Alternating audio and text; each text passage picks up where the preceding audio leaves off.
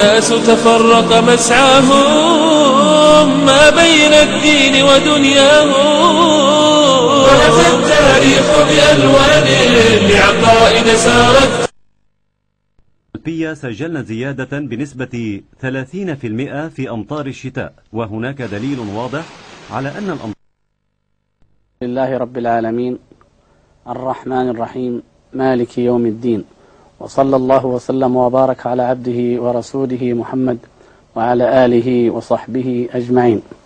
أما بعد أيها الإخوة والأخوات فقد كان موضوع اللقاء الماضي هو التقويم ونعني به كيف تحسب الأمم القديمة ومنها هذه الأمة حسابها وتعرف مواقيتها الدينية والدنيوية. وهنا ننبه إلى أن ما يتعلق بالتنجيم وهو هذا الداء الخطير الذي تفشى في الأمم القديمة ولا يزال في الأمم المتحضرة كما تسمى أننا لا نتعرض له الآن ولم نتعرض له في الحلقة الماضية أي إن, أن, أن الكلام محصور في الفائدة المرجوة الدنيوية للتاريخ. الفائدة من التاريخ من حيث هو تاريخ لا من حيث ما علق بالنجوم والكواكب مما لم يخلقها الله تبارك وتعالى لأجله ولا شأن لا, لا لنا به ولا شأن لها به إلا الخرافة والأوهام والشياطين وإضلالهم لبني آدم كما حدث لقوم إبراهيم عليه السلام وغيرهم. هذا الموضوع يعني موضوع التنجيم قد يأتي له إن شاء الله تبارك وتعالى حلقات نوضح فيها أصله وحقيقته وحكمه الشرعي. إنما نحن نتحدث عن التقويم فقط من حيث أنه وضع أو اصطلاح لدى كثير من الأمم وضعته مع أن الله سبحانه وتعالى قد شرع لبني آدم جميعا وكان الأنبياء جميعا على ملة واحدة في هذا الشأن كما هو ثابت الآن من العلوم المتقدمة السابقة فكان الناس منذ عهد البابليين ثم العبرانيين ثم جاءت الأمة الإسلامية كانوا على ملة قويمة وإن انحرف عنها من انحرف وهذه الملة هي اعتبار اليوم طبيعيا يعني من غروب الشمس إلى غروبها واعتبار الأسبوع عدديا وهو سبعة أيام فهذه لا يعلم إلا بالوحي. الأمم التي لا تعرف الوحي ولا لا تعرف التدين أو بعيدة العهد بذلك لأنه مو من أمة إلا خلى فيها نذير. لكن من ابتعد عهدها بالتدين لا تعرف الأسابيع. وذكر ذلك العلماء من قديم شيخ الإسلام ابن تيمية والمقريزي في الخطط وغيرهم ولا يزال معروفا هذا عند الأمم إلى اليوم. ومن ناحية أخرى اعتبار الشهر طبيعيا وهو ما بين ظهور هلالين. وطبعا بناء على الرؤية واعتبار السنة عددية. وبذلك تكتمل الصورة أو تكون يكون الجمع بين أماثل وأفاضل التقاويم الموجودة. كل ذلك كان معروفا لدى الأمم جميعا. حتى مع الأسف الشديد اجتاح العالم الآن في عصر العولمة وفي عصر الانفتاح الإعلامي أو كاد اجتاحه أن يطغى أو يراد أن يطغى تقويم من هذه التقاويم على التقاويم الأخرى والذي يراد له أن يطغى هو التقويم الوضعي الاصطلاحي الذي لا مشاحة في الاصطلاح. إذا كان موافقا للحقيقة فنحن قلنا إن السنة الشمسية أو السنة هي في الحقيقة عددية اصطلاحية لا إشكال في ذلك. لكن الإشكال هو أن ما اعترى ديانة النصارى وغيرهم من الأمم من, من تحريفات أصبحت علامة وسمة مميزة لها عن سائر الأمم. يعني هنا يصدق قول النبي صلى الله عليه وسلم إن لكل قوم عيدا. معنى ذلك الاختصاص. كل أمة لها أعياد. والأعياد هي أبرز ما في التقويم. فكل أمة لها ما يختص بها. فإذا أردنا أن نركب تاريخ أمة على أمة فمعنى ذلك أننا مسخنا هوية تلك الأمة وأعرناها أو ألبسناها ثوب غيرها. هذا لو كان من بقايا الكتب القديمة والشرائع القديمة المنسوخة لما كان جائزا. فكيف إذا كان من بقايا البدع والضلالات التي أحدثت في تلك الأديان وابتعدت بها كثيرا عن الأصل الرباني كما سوف نوضح إن شاء الله تبارك وتعالى. هناك مدخل لهذا الموضوع مهم جدا التنبيه عليه وهو أن العالم مهما ابتعد عن الدين فإنه يظل أن التدين راسخ في وجدان البشر وفي مشاعرهم وفي أحاسيسهم بحيث أنه يعني لا, لا يمكن أن يغلب الاصطلاح على الدين. ومن هنا تمتزج الشعائر أو الطقوس الدينية بالأمور الاصطلاحية الوضعية في تشكيل هوية أو ثقافة أية أمة من الأمم. يعني مثلا في غير التقويم على سبيل المثال شعائر النكاح ما يتعلق بالنكاح.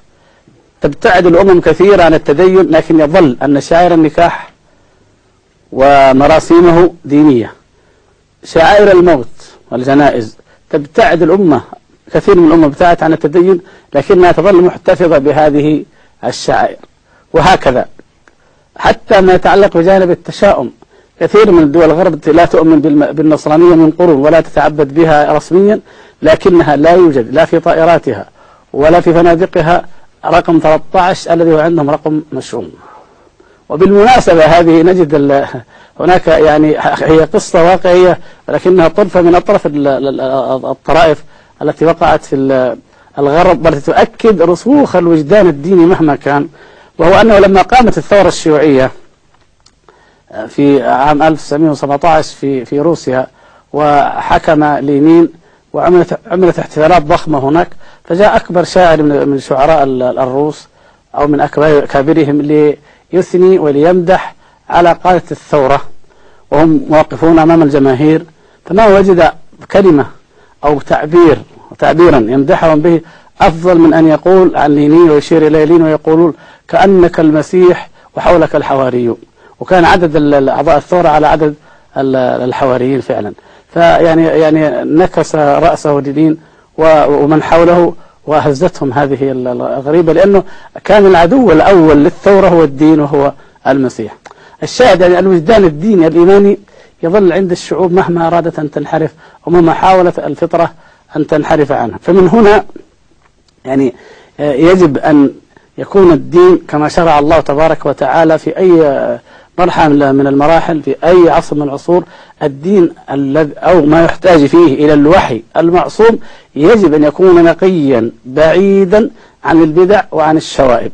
أما ما خلقه الله تبارك وتعالى وكل علمه للبشر وأمرهم أن يسيروا في الأرض وأن يسعوا فيها وأن يبحثوا وأن ينظروا وأن ينقبوا فليفعلوا ما شاءوا لكن لا يدخل هذا في هذا.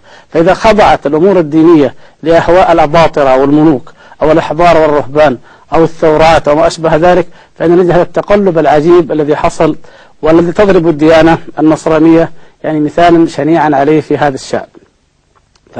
فالدين الدين النصراني الذي اعتنقته الإمبراطورية الرومانية بعيد جدا عما جاء به المسيح عليه السلام بسبب هذه البدع.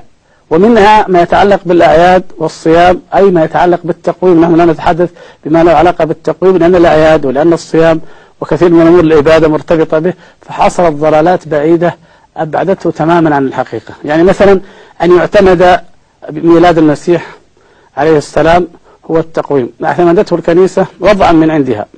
لم يشرع الله تبارك وتعالى ذلك. ولا ولا مشاحة في أن يكون بعض الأمور وضعيا.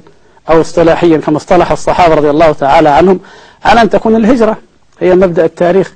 كما عنون الإمام البخاري رحمه الله ترجم باب يعني التاريخ من أين أرخوا كيف أخذ يعني. ما في مشكلة في هذا. لكن الإشكال أنهم أخطأوا ونسبوا ذلك إلى الدين. فجعلوا كأن المسيح عليه السلام ولد في عام بينما هو في الحقيقة يعني عام واحد ميلادي الذي يعملون به الآن. فهو في الحقيقة ولد قبل ذلك بخمس سنوات. فكان هذا بداية بداية لأخطاء كثيرة جدا. الميلاد جعلوه يوم 25 ديسمبر وحقيقة الأمر أن هذا اليوم هو عيد وثني قديم مشهور عند الرومان وغيرهم ولا لا لا دليل لديهم على أنه في هذا اليوم ولد.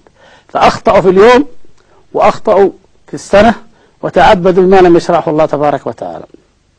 ثم بعد ذلك إذا نذر ملك من الملوك شيئا وزاده كما قالوا أن هرقل زاد في الصيام عشرة أيام لما انتصر على الفرس فأصبح الصيام أربعين يوما.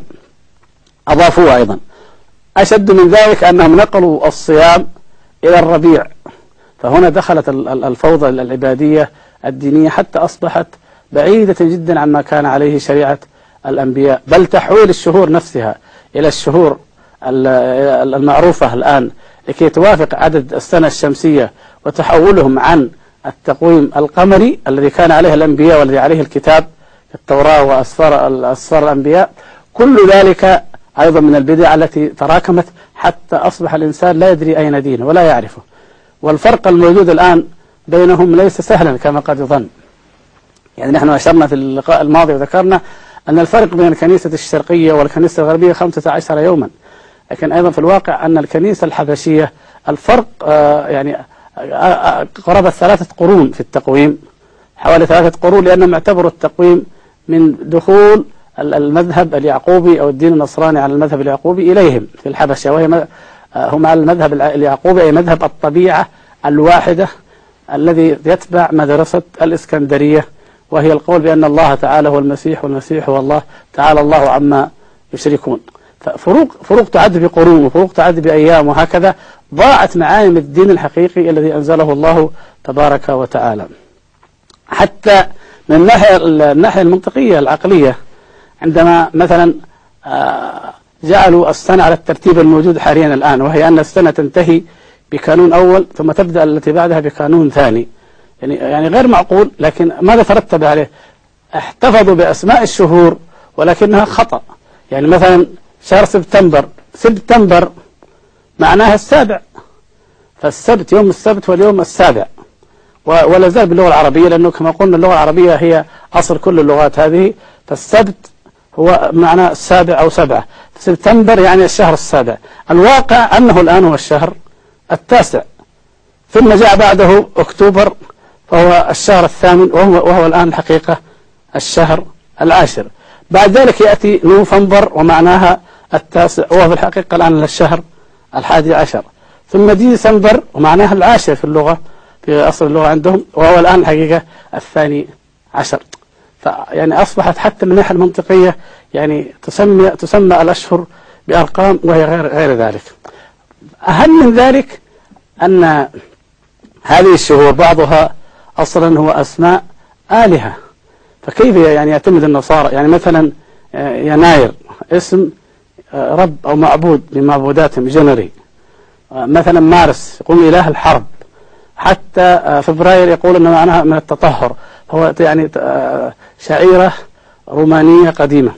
أما أغسطس معروف أنه الإمبراطور الروماني المعروف الذي يعني في أيامه حصل أو ولد المسيح عليه السلام.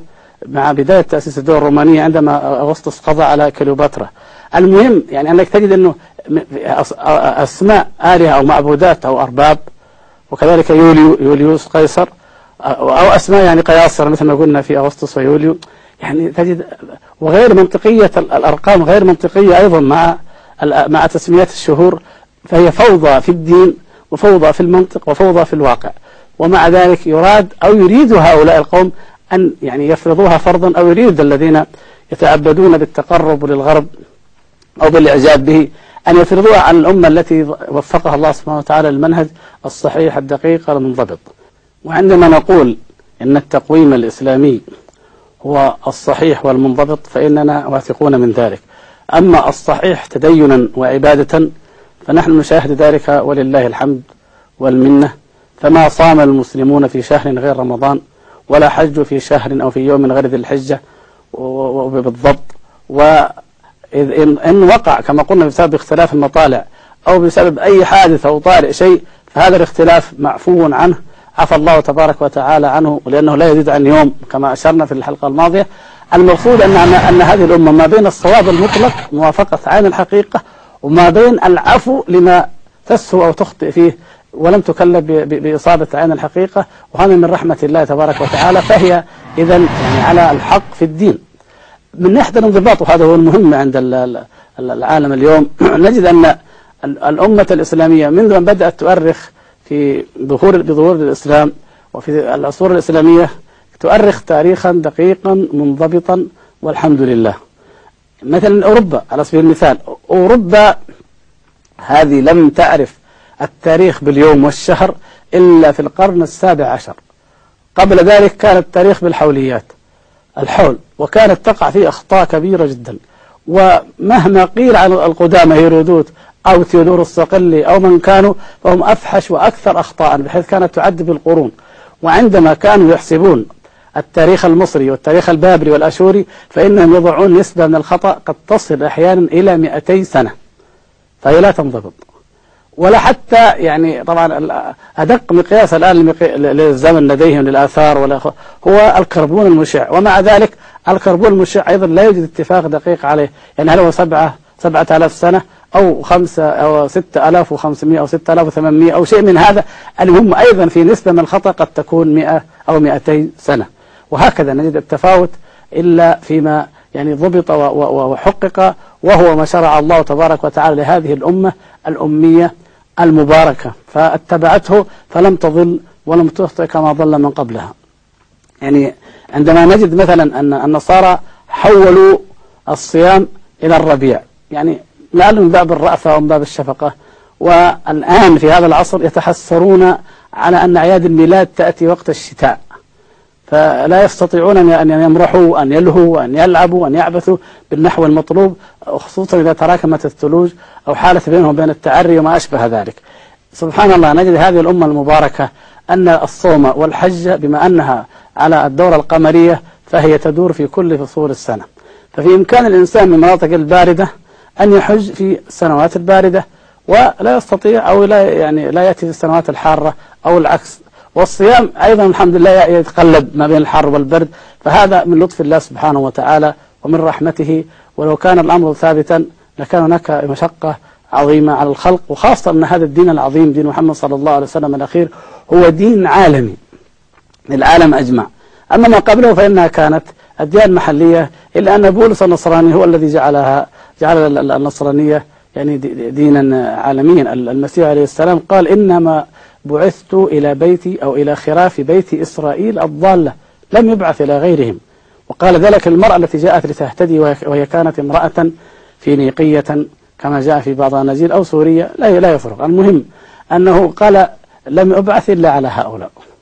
يعني هنا هنا ملحظ مهم جدا أيضا يتعلق ب يعني أهمية تنقية الأديان من البدع وهو أن الشريعة التي كان عليها اليهود وبقيت في التوراة لم ينسخها المسيح عليه السلام. فهو صرح فقال ما جئت لأنقض الناموس بل لأكمل. الناموس معنى الشريعة. لكن بولس نقض الناموس نقضا صريحا وأصبح مشهورا جدا في الديانة النصرانية أن التبرير التبرر التقوى الخير ليست في الشريعة أو في اتباع الشريعة وإنما هي في الإيمان. وحارب بولس الشعائر الشرعية محاربة شديدة. من ذلك الختان وهذا سيأتي له ذكر إن شاء الله. ومن ذلك محاربة التطهر من النجاسة. فهم يقولون أنه آه، النجس ما يخرج من الأعلى لا من الأسفل. فعلى ذلك يدخلون كنائسهم وهم غير متطهرين بأي نوع من أنواع الطهارة ولا يغتسلون من الجنابة. ولم ينسخ ذلك نبي من الأنبياء. فالإلحاح الشديد عندهم وهذا لو فتحتم أي إذاعة تنصيرية بالعربي وبغيره تجدون إلحاحا شديدا على أن التطهر لا يكون بالشريعة وإنما هو بالإيمان. طيب ما المعارضة بين الإيمان وبين الشريعة بين اتباع الشريعة؟ لا معارضة أصلا. فعلى الإنسان أن يتحلى بآداب الشريعة وبأن يتطهر وأن يختتن وأن يتنظف فهذه شعائر أو شريعة ومع ذلك الإيمان بالله سبحانه وتعالى على الحقيقة. أما عندهم هم فالإيمان بمعنى الإيمان بأن المسيح هو المخلص. ولا شريعة. إذن هذا ليس دينا. على كل ليس المقصود الآن هو نقد الدين النصراني. له إن شاء الله مواضعه. إنما المقصود بهذا ويعني خطورة الابتداع وإلى أي حال يؤول بالناس إليه. آه، نجد يعني في, في, في, في هذا الشأن أنه هناك آه، بما يتعلق نرجع لموضوع التقويم يعني والتوقيت. هناك يعني ما يؤكد أو يثبت أن هذا العلم نبوي. أصله من الأنبياء أصله وحي من الله تبارك وتعالى ثم قد زيد فيه ما زيد أو حرف أو, أو, أو بدل. في الإسلام لدينا بعض المؤشرات على هذا وفي ذلك وذلك في حديث هرقل الذي رواه الإمام البخاري رحمه الله تبارك وتعالى في صحيحه في كتاب بدء الوحي من أول الصحيح حديث مشهور لما قابله أبو سفيان أو لما طلب أبو سفيان ورأى هرقل في الرؤيا أن ملك أو ملك على إحدى الروايتين أمة الختان قد ظهر. أن ملك أمة الختان قد ظهر. فحينئذ قال أو أهمه ذلك قال لقومه من يختتن؟ ائتوني بأي مختون؟ قالوا لا يختتن إلا اليهود. وهم أحقر وأذل يعني من أي فلا يهمك شأنهم. فقيل إن العرب يختتنون فجاء له بأبي سفيان وكان الحديث المشهور في هذا الحديث. هنا الشاهد أنه وكان هرقل حزاء ينظر في النجوم. على كلام الأسقف الذي روى الحديث. كان يعني حزاء ينظر في النجوم. فلما رأى النجوم قال إن ملك أمة الختان قد ظهر. كيف عرف ذلك؟ لو كانت المسألة تنجيم تنجيما التنجيم مرفوض. والتنجيم لا يقر ولا يروي حتى البخاري رضي الله تعالى عنه. لا المسألة ليست كذلك. المسألة هي أن الأمم القديمة كانت تؤرخ بأحداث قديمة. مثلا التاريخ الإسكندري يؤرخ بفتح الإسكندر لبلاد الشرق مثلا التاريخ الفارسي يؤرخ بأعمال لملوك الفرس وهكذا أحداث كبيرة تقع. التاريخ النبوي أو العلامات النبوية لا تؤرخ بأحداث البشر وبعض هؤلاء مشرك لا يعني مثلا الإسكندر وغير مشركون لا لا يؤرخ بهم ولا بأحداثهم. التاريخ النبوي مما علمه الله تبارك وتعالى للناس أن يعلموا أن العلامات بالتقاء النجوم لأنها بطريقة دوران ثابتة تماما تعرف. باقتران الكواكب والنجوم بعضها ببعض فيكون هناك عند ذلك حدث معين سيقع. ولذلك كان اليهود وغيرهم يعلمون أن في مبعث النبي صلى الله عليه وسلم قد اقترب. فهناك مثلا نجوم أو كواكب تقترب كل 25 سنة بعضها كل 70 سنة بعد كل قرن كل قرنين. يعني على سبيل المثال نجد أن الشعر اليمنية التي ذكرها الله تبارك وتعالى في القرآن. الشعر اليمنية رصدت من قديم وهذا دليل يؤكد أن المسألة وحي وإلا كيف يعرف البشر ذلك بمجرد النظر؟ وجدوا أن لها دورة كل 1460 سنة.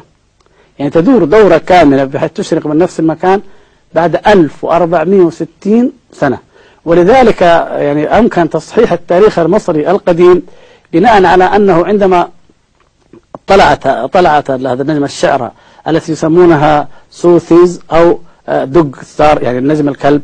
عندما طلعت في أيام أو في أوقات أحد الأباطرة فوضعت عملة بهذه المناسبة. فأمكن من خلال ذلك معرفة متى وضعت هذه العملة أن يصحح التاريخ المصري القديم في كثير من الجوانب التي كانت خطأ فيه.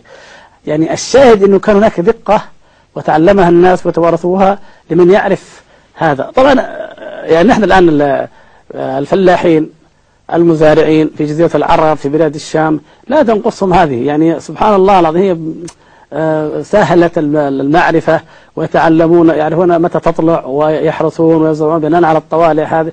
ثم من تعمق أكثر عرف أكثر.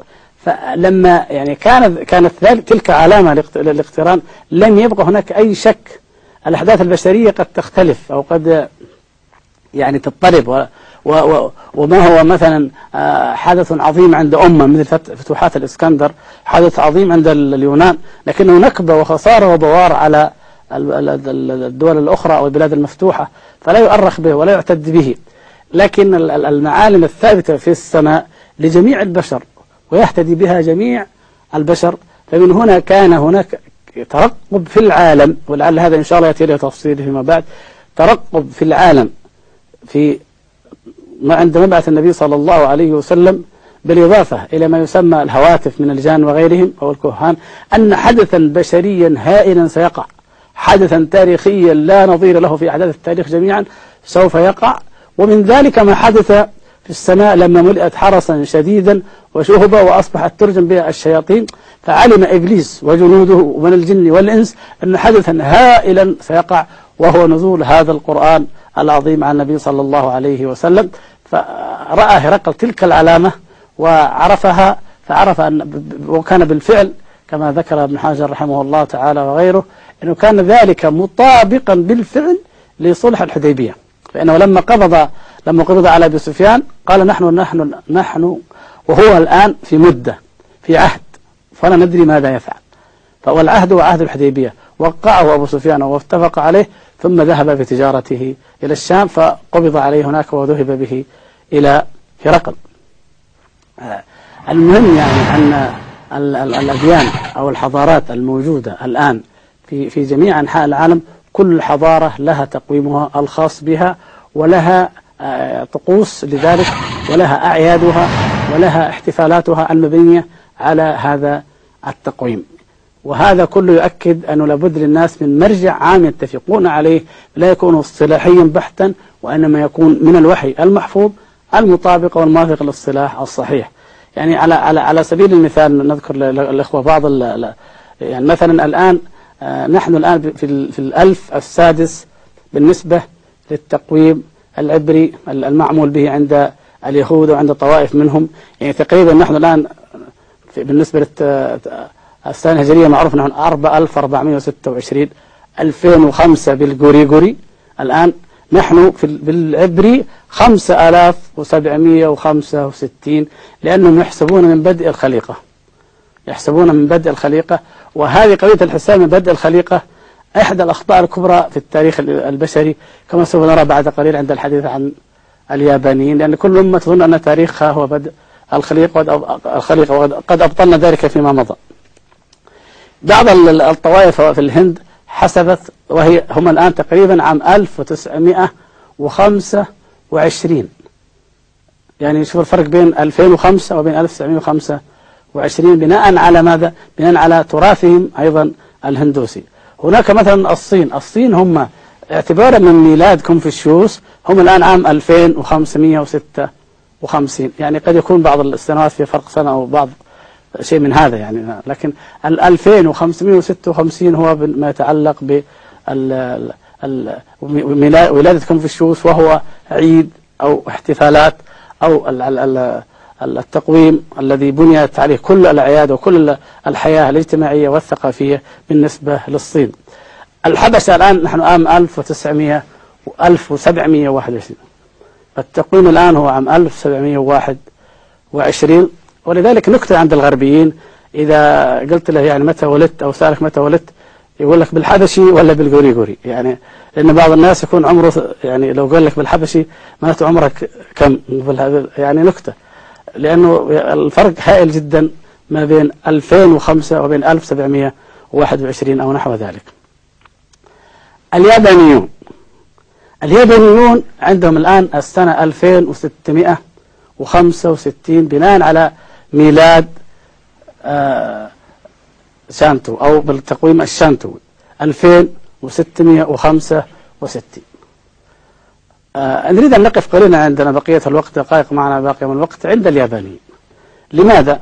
لو تأملنا في الشعوب هذه التي ذكرنا جميعا نجد اليابانيين أكثر هذه الشعوب تحضرا.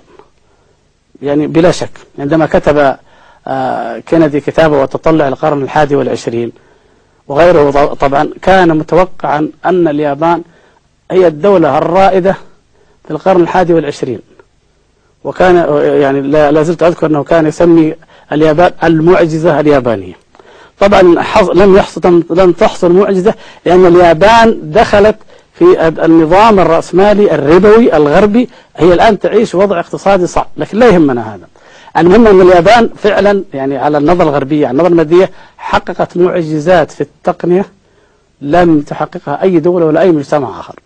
طيب اليابان ما دام هذه المعجزة في التقنية وفي التطور في التقدم وهي التي تصنع شرائح الصواريخ التي تدور في الفضاء وكل شيء لماذا اليابان يعني لا تلتزم؟ يعني لو أن المسألة بالعقل وبالدقة لماذا لا تضع اليابان لنفسها وللعالم نظاما تقويميا دقيقا؟ ولماذا هي ماشية على هذا النظام؟ نقرأ لكم يعني هذا الكلام والكاتب أمريكي يتكلم عن الحضارات وليس كاتبا آه، يابانيا. يقول أن تاريخ اليابان الرسمي يبدأ عام 660 قبل الميلاد. هذا من كتاب الماضي الحي. بيد أن المؤرخين اليابانيين يقررون بجلاء أن هذه السنة يعني 660 قبل الميلاد ما هي إلا بداية لأقدم أسرة حاكمة في العالم. اليابانيين أصحاب العقول والتطور هذا التكنولوجي يقولون أن عام 660 قبل الميلاد هي بداية الخليقة. فتاريخ الخليقة يرتبط بهذا ويعتقدون أن الأباطرة الذين يعني هم حكام اليابان أنهم كانوا يعيشون في السماء قبل ذلك. فالتاريخ الأسطوري الياباني في السماء مو في الأرض مثل ما قرأنا عن بلاد ما بين النهرين هم كان يعيش في السماء.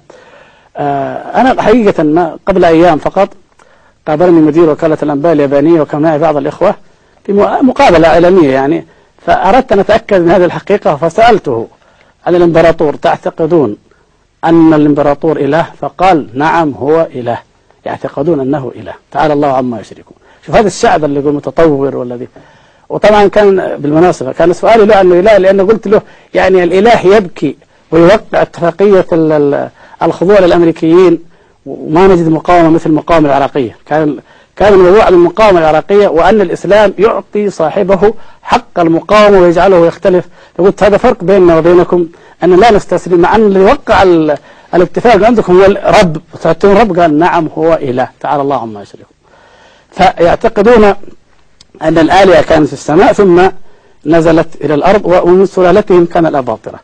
عندما ننظر إلى كلام المؤرخين المسلمين عن آه، زنكيز خان نجد نفس الكلام. أن أنه ليس له أب إنما أمه هي الشمس نزلت الشمس ودخلت في الخيمة التي كانت فيها أمه وحملت به يعني من الشمس. يعلق شيخ الإسلام تيمية رحمة الله عليه على هذا ويقول هذا دليل على أن التتار المغول هؤلاء يعتقدون أو يعلمون أنه ليس له أب معروف ولذلك جعلوا أباه هو الشمس فهو ابن غير شرعي.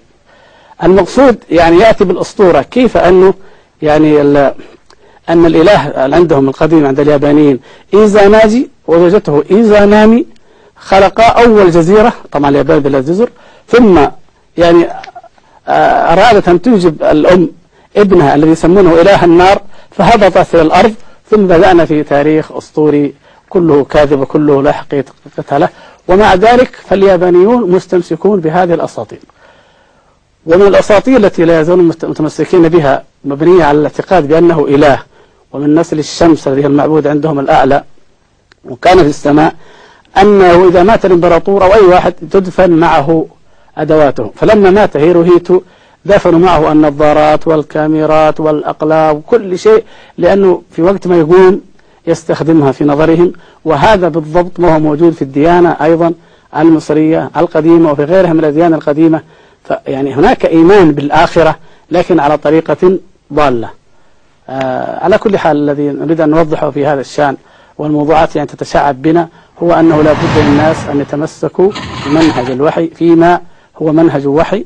أما ما أتيح العقل البشري المجال فيه فلهم أن يضعوه اصطلاحيا أو منطقيا أو عدديا كما يشاءون بحيث تتضافر العقول السليمة المستنيرة بنور الوحي على وضع وبذلك تكمل حياة البشر وتصح وتستقيم أديانهم على الوحي وتستقيم دنياهم على العقل آه، الصحيح. نسأل الله سبحانه وتعالى أن يوفق المسلمين والعالم جميعا لذلك إنه على كل شيء قدير.